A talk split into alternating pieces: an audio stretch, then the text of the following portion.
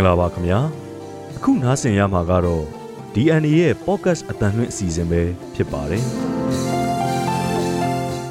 ဒေါ်လာရေးတိုက်ပွဲကာလဖြစ်တဲ့အားလျော်စွာတဏိတာသတင်းဖြစ်ရက်တွေကိုလူဦးဒေါ်လာရေးသတင်းတွေကပဲဖုံးလွှမ်းထားတာပါလူဦးဒေါ်လာရေးတွေကလာတဲ့စစ်ရေးနိုင်ငံရေးသတင်းတွေအပြင်တဏိတာသတင်းဖြစ်ရက်တွေတဲ့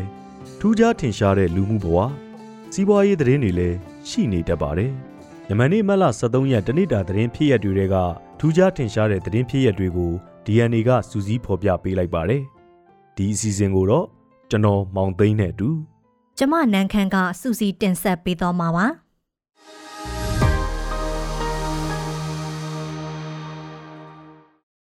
ပထမအဦးဆုံးသတင်းတစ်ပုဒ်အနေနဲ့လူမျိုးရေးအမုန်းတရားစီဦးတည်လာတဲ့ပင်လောင်းတိုက်ပွဲကြရက်ဆိုတဲ့အကြောင်းကိုတင်ဆက်ပေးပါမယ်။တန်ကားတော်တွေအပါအဝင်လူဦးရေ20ဝန်းကျင် အစုလိုက်အပြုံလိုက်ပြစ်ခတ်တပ်ဖြတ်ခံခဲ့ရတဲ့ပင်လောင်းနှံ့နှင်းရွာအရေးဟာနှစ်ဖက်တိုက်ပွဲတွေအပြင်လူမျိုးရေးအမုန်းတရားတွေစီကိုပါဥတီနေတာကြောင့်လက်တလုံးအာယုံဆိုင်ခံခဲ့ရတဲ့အရေးတစ်ခုဖြစ်လာပါတယ်။ခေတ်အဆက်ဆက်လူမျိုးရေးနဲ့ဘာသာရေးအမုန်းတရားတွေသွေးထိုးဖန်တီးပြီးအကြိမ်ကြိမ်အမျက်ထုတ်ခဲ့မှုတဲ့စစ်အုပ်စုဟာနှွေဦးတော်လန်ရေးကာလမှာလည်းအလားတူသွေးထိုးဖို့ကြိုးစားတဲ့ဖြစ်ရပ်တွေရှိခဲ့ပါတယ်။ဥပမာအားဖြင့် လူမျိုးပါတာပေါင်းစုံပါဝင်နေတဲ့ပြည်သူဒေါ်လန်ရေးတပ်ဖွဲ့တွေကတန်ကားတော်တွေကိုတပ်ဖြတ်တာဘာသာရေးအဆောက်အုံတွေကိုတိုက်ခိုက်ဖျက်ဆီးကြတာစတဲ့ဝါဒဖြန့်ပြောဆိုဖော်ပြမှုတွေကိုစစ်အုပ်စုကတောက်လျှောက်လက်ကင်ပြုခဲ့တာကိုပြရမှာပါ။ဒါပေမဲ့ဒီဒေါ်လန်ရေးကာလတလျှောက်စစ်အုပ်စုထောက်ခံသူတွေကလွဲလို့စစ်တပ်ရဲ့ဘာသာရေးလူမျိုးရေးဝါဒမိုင်းတိုက်မှုတွေထင်တလောက်အကောင်အထည်မပေါ်အောင်ခုခံတော်လန်သူတွေနဲ့ပြည်သူတွေတတိထားနိုင်ခဲ့ကြပါတယ်။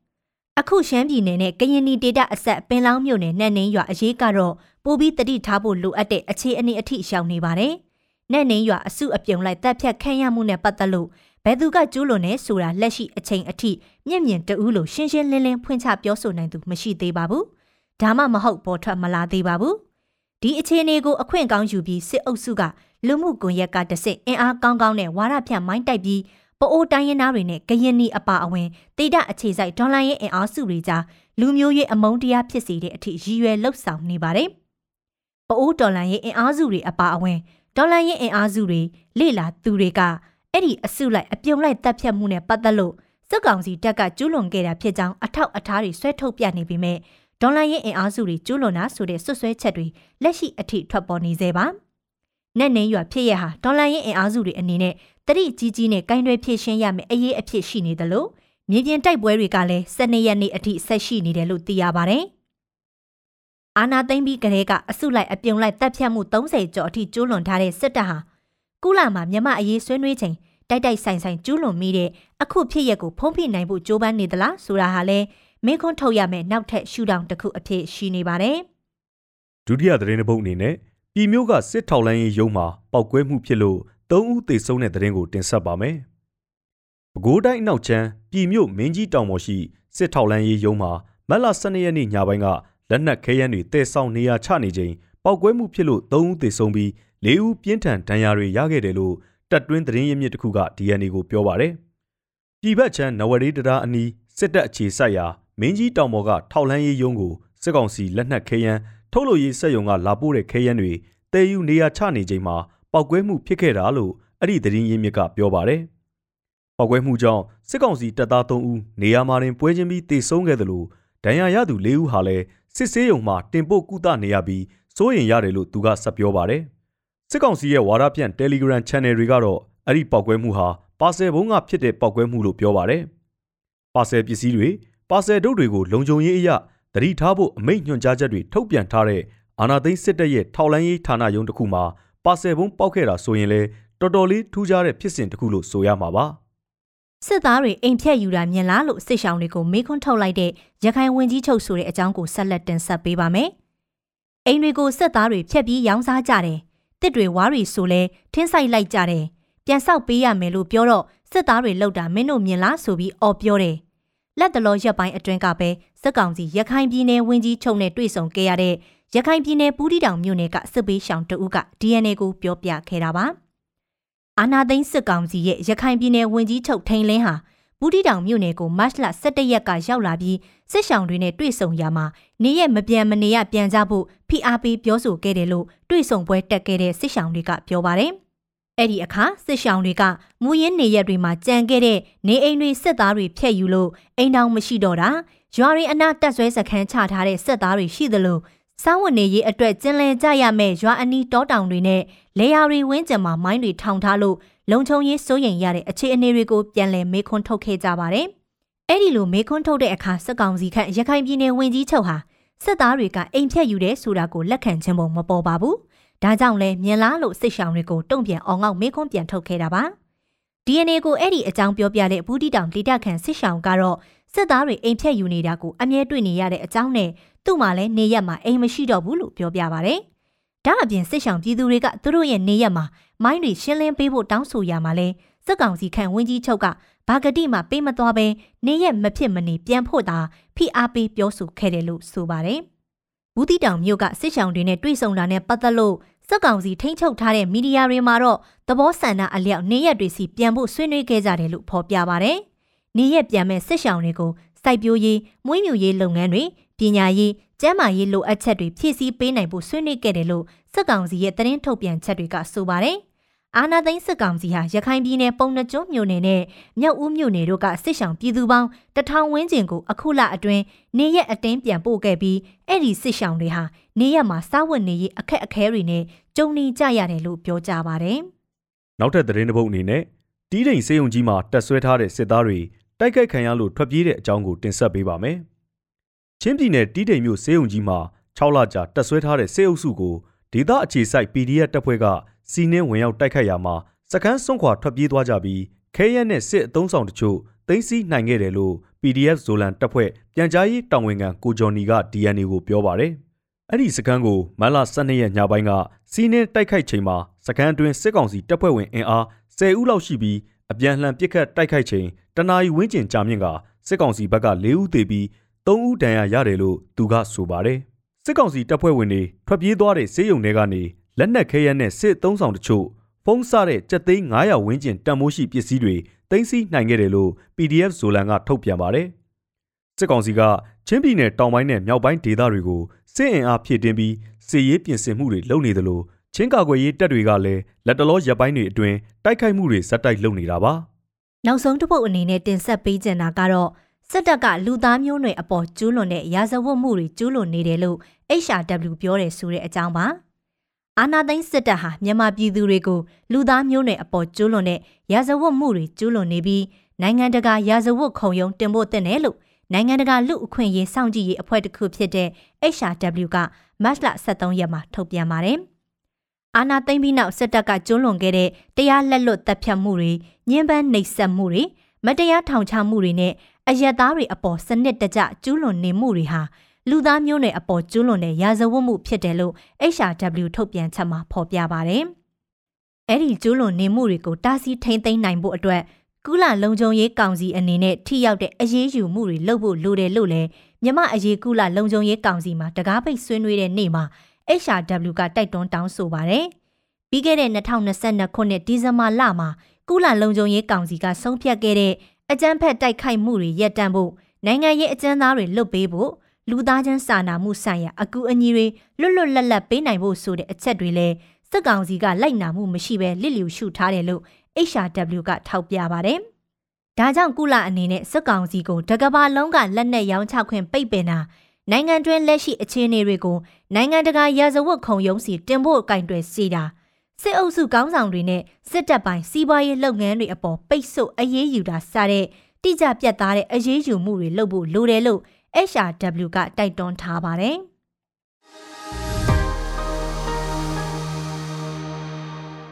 အခုနိုင်ငံတကာသတင်းအစီအစဉ်ကိုနန်းခမ်းကဆက်လက်တင်ဆက်ပေးပါမယ်။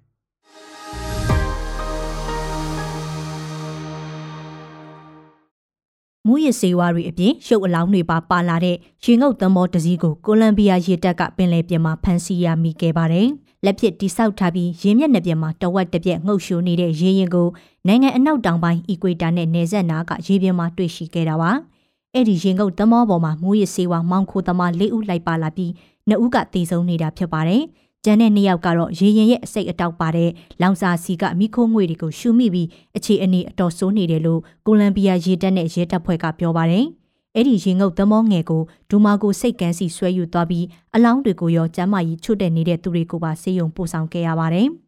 ။ရေရင်ပေါ်မှာတော့ကိုကင်းကော်ရိုဟိုက်ဒရိတ်မူရစ်စီအထုပ်စုစုပေါင်း3.6တန်အလေးချိန်လောက်ကိုဖမ်းဆီးရမိခဲ့ပါတယ်။ မောင်ခိုကိုင်းသားတွေဟာအဲ့ဒီမူရစ်ဆေးဝါးတွေကိုအလဲပိုင်းအမေရိကနိုင်ငံတွေစီတင်ပို့ဖို့ရည်ရွယ်ထားခဲ့တာဖြစ်တယ်လို့ရေတပ်ကပြောပါတယ်။ကိုလံဘီယာမက္ကဆီကိုနဲ့လက်တင်အမေရိကဒေသတွင်နိုင်ငံတချို့မှာမူရစ်ဆေးဝါးမှောင်ခိုရောင်းဝယ်သူတွေဟာအာဏာပိုင်တွေရဲ့စက်ကွင်းကလွတ်မြောက်အောင်လို့လက်ဖြစ်တိစောက်ထားတဲ့ရင်ငုတ်သမောတွေကိုအသုံးပြုပြီးမူရစ်ဆေးတွေတည်လိရှိပါတယ်။အဲ့ဒီရင်ငုတ်သမောတွေဟာနဲ့နဲ့ဆိုင်ဆိုင်ငုတ်ရှိုးနိုင်တာမျိုးတော့မဟုတ်ဘဲကိုထဲရဲ့အစိတ်အပိုင်းအများစုကိုရေထဲမြုပ်ထားပြီးခုံမောင်းတာမျိုးလို့လည်းသိရပါတယ်။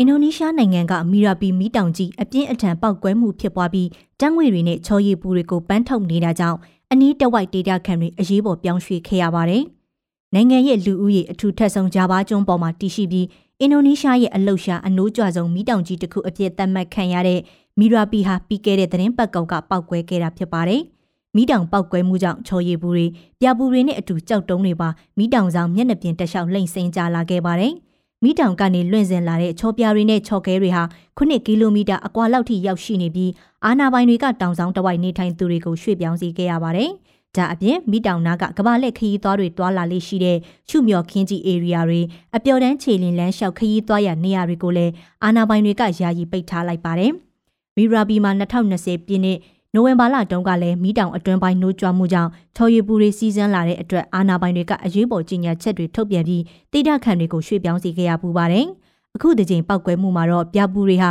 မီတာတရာအထက်လောက်ထိမှုတ်ထုတ်ခံရပြီးအဲ့ဒီကနေတဆင့်ပတ်ဝန်းကျင် area တွေစီပြန့်ကျဲကြရောက်ကုန်တယ်လို့မျက်မြင်တွေကဆိုပါတယ်။မီရာပင်မီတောင်ဟာပေပေါင်း1000နီးပါးလောက်မြင့်ပြီးဂျာဘာယင်ကျေးမှုဗဟိုချက်ရှေးဟောင်းနယ်မြေဖြစ်ခဲ့ပူတဲ့ယူဂျာကာတာနဲ့ကီလိုမီတာ30လောက်အကွာမှာတည်ရှိနေပါတယ်။ ပြီးတော့မီးတောင်နဲ့10ကီလိုမီတာပတ်လည်အတွင်းနေထိုင်သူနှစ်သိန်းခွဲလောက်ထိများပြားတယ်လို့ဆိုပါတယ်။လွန်ခဲ့တဲ့နှစ်ပေါင်း120လောက်ကာလအတွင်းမီရာပီဟာအင်ဒိုနီးရှားရဲ့အနိုးကျအတက်ကြွဆုံးမီးတောင်တစ်ခုအဖြစ်သတ်မှတ်ခံခဲ့ရပြီးမကြာခဏပောက်ကွဲမှုတွေကြုံခဲ့ရပူပါတယ်။2010ပြည့်နှစ်တုန်းကပောက်ကွဲမှုမှာတော့လူပေါင်း348ဦးအထိအသက်ဆုံးရှုံးခဲ့ပြီးအနီးတစ်ဝိုက်ကျေးရွာတွေကလူပေါင်း2000ကျော်ပေးလို့ရပြောင်းရွှေ့ခဲ့ရဖူးပါတယ်။ ဆက်လက်ပြီးတော့စာရေးဆရာမင်းသေးကသူ့ရဲ့စောင်းမတစ်ပုဒ်ကိုကိုယ်တိုင်ဖတ်ပြပေးထားပါတယ်။အားလုံးပဲမင်္ဂလာပါ။ဒီနေ့တော့25ရက်နေ့ဇန်နဝါရီလ2023ခုနှစ်ကကျွန်တော်ရေးသားထားတဲ့စောင်းပါဒူလေးတစ်ပုဒ်ကိုဖတ်ပြခြင်းပါတယ်။အဲဒီစောင်းပါကောင်းစဉ်ကတော့တနေ့တနေ့ဘာဟီယာကိစ္စတွေနဲ့ပဲအချိန်ကုန်နေကြသူတွေလို့ အမည်ပေးထားပါတယ်ဒီကောင်းစဉ်လေးကနည်းနည်းတော့ရှည်တယ်ဒါပေမဲ့လူတွေနေ့စဉ်လိုကြုံတွေ့နေရတဲ့ကိစ္စကိုကျွန်တော်ရေးသားထားတာဖြစ်ပါတယ်တနေ့တနေ့ညားလိုက်တဲ့အမှုကိစ္စတွေဒီနေ့ခေတ်လူတွေမှာအမှုကိစ္စတွေပိုများလာတယ်နော်ဘာရေမှန်းလည်းမသိသေးသေးသေးသေးလေးတွေနဲ့ရှုပ်ရှက်ခတ်နေကြတယ် အဲ့ဓာတွေကအရေးကြီးလားဆိုတော့အရေးကြီးတာတွေလည်းပါတယ်အရေးမကြီးတာတွေလည်းပါတယ်အသေးဖွဲလေးတွေလည်းပါတာပဲပိုဆိုးတာကအရေးကြီးလားအရေးမကြီးဘူးလားဆိုတာတောင်စဉ်းစားချိန်မရပဲအမှုကိစ္စတွေနဲ့ရှုပ်ထွေးပြီးတနေ့ကုံသွားကြတယ်နောက်ရက်လဲဒီလိုပဲနောက်ရက်တွေလဲဒီလိုပဲဒီလိုနဲ့လူတွေဟာ လုံးချလဲလိုက်နေတယ်။နဲသောအမှုကိစ္စရှိခြင်းဆိုတာကို အပကိစ္စစာလို့ပြောရမဟုတ်လား။ပညာရှိသူတော်ကောင်းတွေဟာသူတို့ရဲ့နေ့စဉ်ဘဝကို သူတော်ကောင်းတရားကိုကျင့်ဖို့အတွက်အချိန်ပိုတွေများများထွက်အောင်လုပ်ကြရတယ်။အဲ့ဒီအတွက်ဘာဟီယာကိစ္စတွေကိုနဲနိုင်သမျှနဲအောင်လုပ်တာပဲ။စားတဲ့နေရာမှာလဲယိုးယိုးပဲ။ဝတ်တဲ့နေရာမှာလဲယိုးယိုးပဲ။ နေတဲ့နေရာမှာလည်းရိုးရိုးပဲကို့နဘေးမှာပစ္စည်းပစ္စည်းတွေတိတ်များများဆဆမထားဘူးတော်တဲ့တောင်တဲ့တရားကျင့်တဲ့ယဟန်တွေဆိုရင်သင်္ကန်းသုံးတယ်အပြင်ပို့မထားကြအောင်တပိတ်တစ်လုံးနဲ့ပဲစားတယ်အပိုဝက်ခွက်တွေဘာတွေမထားဘူးဒီလိုသိထားကြရမဟုတ်လားဒီဘက်ခေတ်မှာတော့နဲသောအမှုကိစ္စရှိခြင်းဆိုတာ minimalism နဲ့တွဲကပ်ပြီးပြောကြတာရှိတယ် ကိုယ့်ပတ်ဝန်းကျင်မှာကိုယ်နဲ့ပတ်သက်တဲ့ပစ္စည်းပစ္စည်းတွေကိုအ ਨੇ ဆုံး short ချလိုက်ခြင်းအပြင်ကို့မှာအဲ့ဒါတွေနဲ့ပတ်သက်တဲ့အမှုကိစ္စလည်းနည်းသွားတယ်ကိုစုပ်ကိုင်းပိုင်ဆိုင်ထားတဲ့အရာတွေနဲ့ကိုယ့်ရဲ့အမှုကိစ္စနည်းခြင်းများခြင်းကဓာတ်ရိုက်အချိုးကြတယ်နော်ကိုစုပ်ကိုင်းထားတာတွေများလေလေအမှုကိစ္စများလေလေပဲကိုစုပ်ကင်ထားတာတွေနဲလေလေအမှုကိစ္စ နဲလေလေပဲဒီဘက်ခေတ်မှာလူတွေဟာလွတ်မချနိုင်ကြတာတွေများတယ်ဆွဲထားကြတယ်ကင်ထားကြတယ်စုပ်ထားကြတယ်လာပေးရင်လည်းမငင်းဝံ့ဘူးလက်ခံထားလိုက်ကြတယ်ဒီတော့တဖြည်းဖြည်းနဲ့လူဟာကို့မှာရထားတာတွေများလာတယ်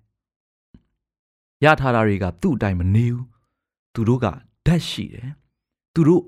ဓာတ်တတိပြတဲ့အခါကိုကအဲ့ဓာတွေကို လိုက်လို့ရတယ်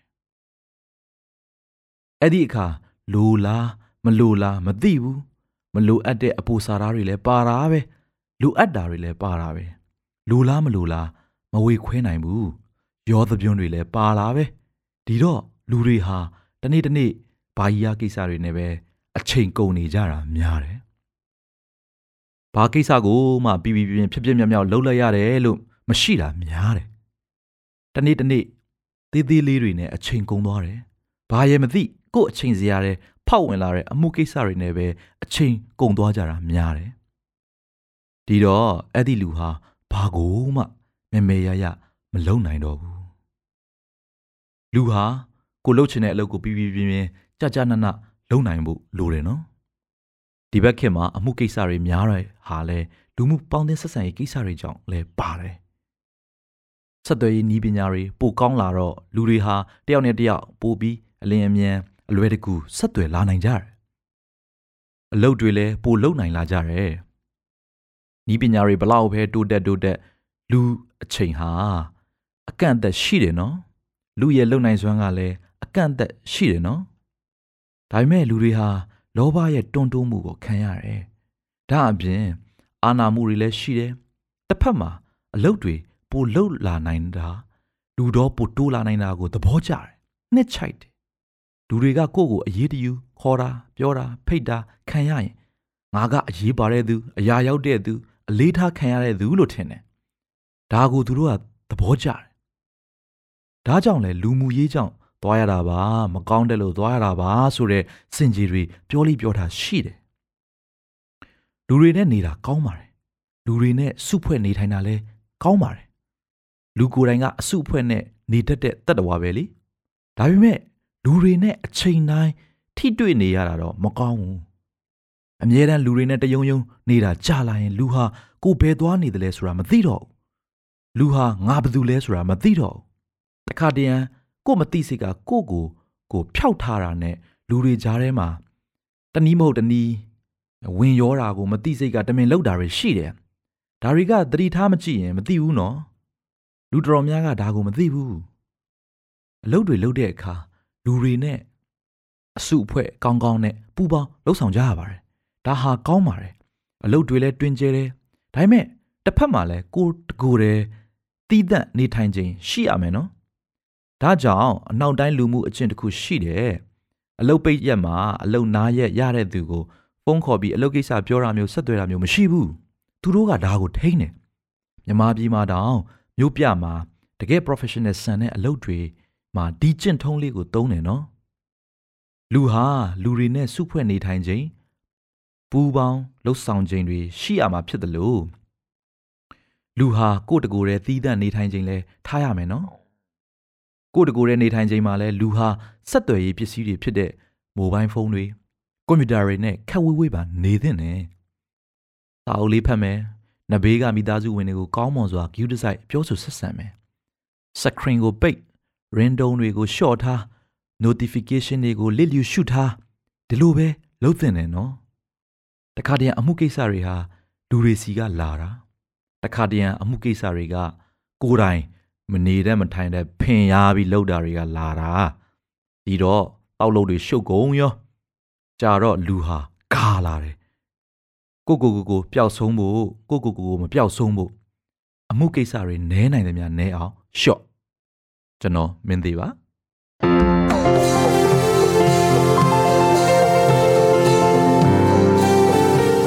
DNA ရဲ့ podcast အတန်လွင့်အစီအစဉ်ကိုအပတ်စဉ်တင်းလာနေကနေတောက်ကြနေအထိမနက်9:00နာရီတိုင်းမှာတင်ဆက်ပေးသွားမှာဖြစ်ပါတယ်။ဒီအစီအစဉ်ကို DNA ရဲ့ Facebook Page ကနေအပြင် Anchor, Spotify နဲ့ Google Podcast တို့တွေကနေတဆင့်လဲနားဆင်နိုင်ပါတယ်ခင်ဗျာ။